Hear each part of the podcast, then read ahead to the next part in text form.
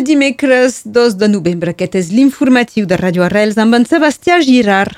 Al capcí, la carretera que permet accedir fins a l'Auda via Puig Balador és tancada i ho serà gairebé fins a les vacances de Nadal. S'hi fan obres per millorar la seguretat d'un viratge perillós que necessita treure roques i redibuixar la falda de la muntanya. Feia 50 anys que es planejava adobar aquesta curva. La primera fase de treballs ja s'ha engegat, la ruta serà reoberta durant les vacances d'hivern i les obres tornaran a reprendre la primavera de l'any que bé.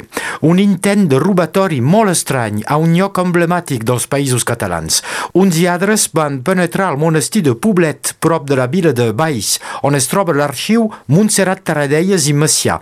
Van poder obrir una caixa forta que conté l'arxiu de l'expresident de la Generalitat, però curiosament no s'han endut res tot i el seu gran valor històric. En declaracions a l'Agència Catalana de Notícies, l'abat de Poblet ha dit que en principi creien que era una bretolada, però el fet que hagin anat directament a la caixa forta no pot ser casualitat. La policia científica ja treballa in situ i mira de recollir proves per identificar els autors de l'efracció. L'enquesta haurà d'esbrinar també perquè els lladres del monestir de Poblet van marxar amb les mans buides. Noves declaracions en l'afer dels suposats treballadors fictius del Front Nacional. L'antic diputat FN Jean-Luc Schaffhauser ha carregat durament contra Marine Le Pen durant un documental difusat per la televisió pública France 2. Le Pen ha estat posada en examen per desviament de fons públic en l'afer dels assistents parlamentaris dels diputats europeus FN i, segons s'ha declarat Jean-Luc Schaffhauser, la presidenta del partit d'extrema dreta sabia que el mecanisme era il·legal. En l'enquesta que encara és a la fase d'instrucció, diversos elegits del Front Nacional han estat posats en examen com Jean-Marie i Marine Le Pen, Valorant de Saint-Just, Nicolas B i Louis Alliot. A l'estat francès, el control tècnic per les motos podria entrar en vigor ben aviat. És una obligació europea que fa grinyolar els mecanismes estatals, ja que ho posa des de fa mesos el govern francès i el Consell d'Estat. El dret europeu imposa des del 2014 l'obligació del control tècnic dels vehicles de dues, tres i quatre rodes de més de 125 centímetres cúbics. Una mesura que s'hauria d'haver aplicat des de l'any passat, però que el govern d'Emmanuel Macron va anul·lar. El Consell d'Estat ha decretat aquesta setmana que això era il·legal i, per tant, que l'estat francès hauria d'aplicar el control tècnic per les motos segurament a partir del proper 1 de gener.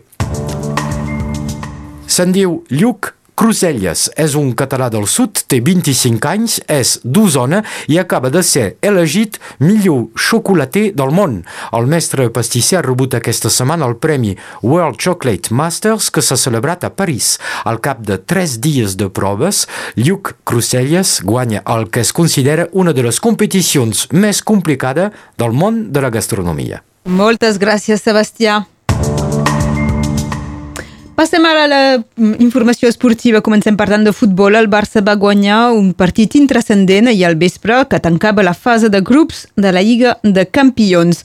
Al camp del Victoria Pilsen, els blaugranes van guanyar 2 a 4 amb una composició que comptava molts canvis en relació amb els darrers partits. Recordem que els classificats pels vuitens de final d'aquest grup són el Bayern de Múnich i l'Inter de Milà, mentre que el Barça jugarà l'Europa League. I parlem de castells en la diada de Tots Sants a Vilafranca del Penedès. Els Verds, que és com es coneixen els castellers de Vilafranca, van aconseguir per primera vegada de la història carregar el pilar de nou amb folre, manilles i puntals.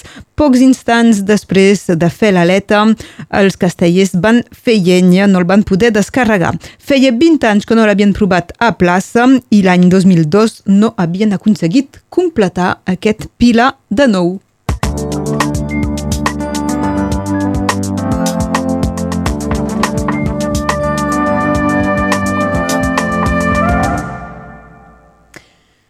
Són les 7 i 5 minuts.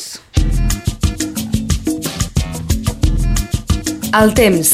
La informació de Catalunya Nord amb els corresponsals a les nostres comarques. Els esports, el territori, els lleures, les festes i les fires, jocs i regals.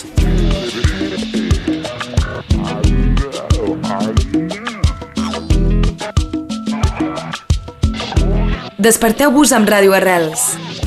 De dilluns a divendres, de 7 a 9. Al matiner, amb la Laura Bertran.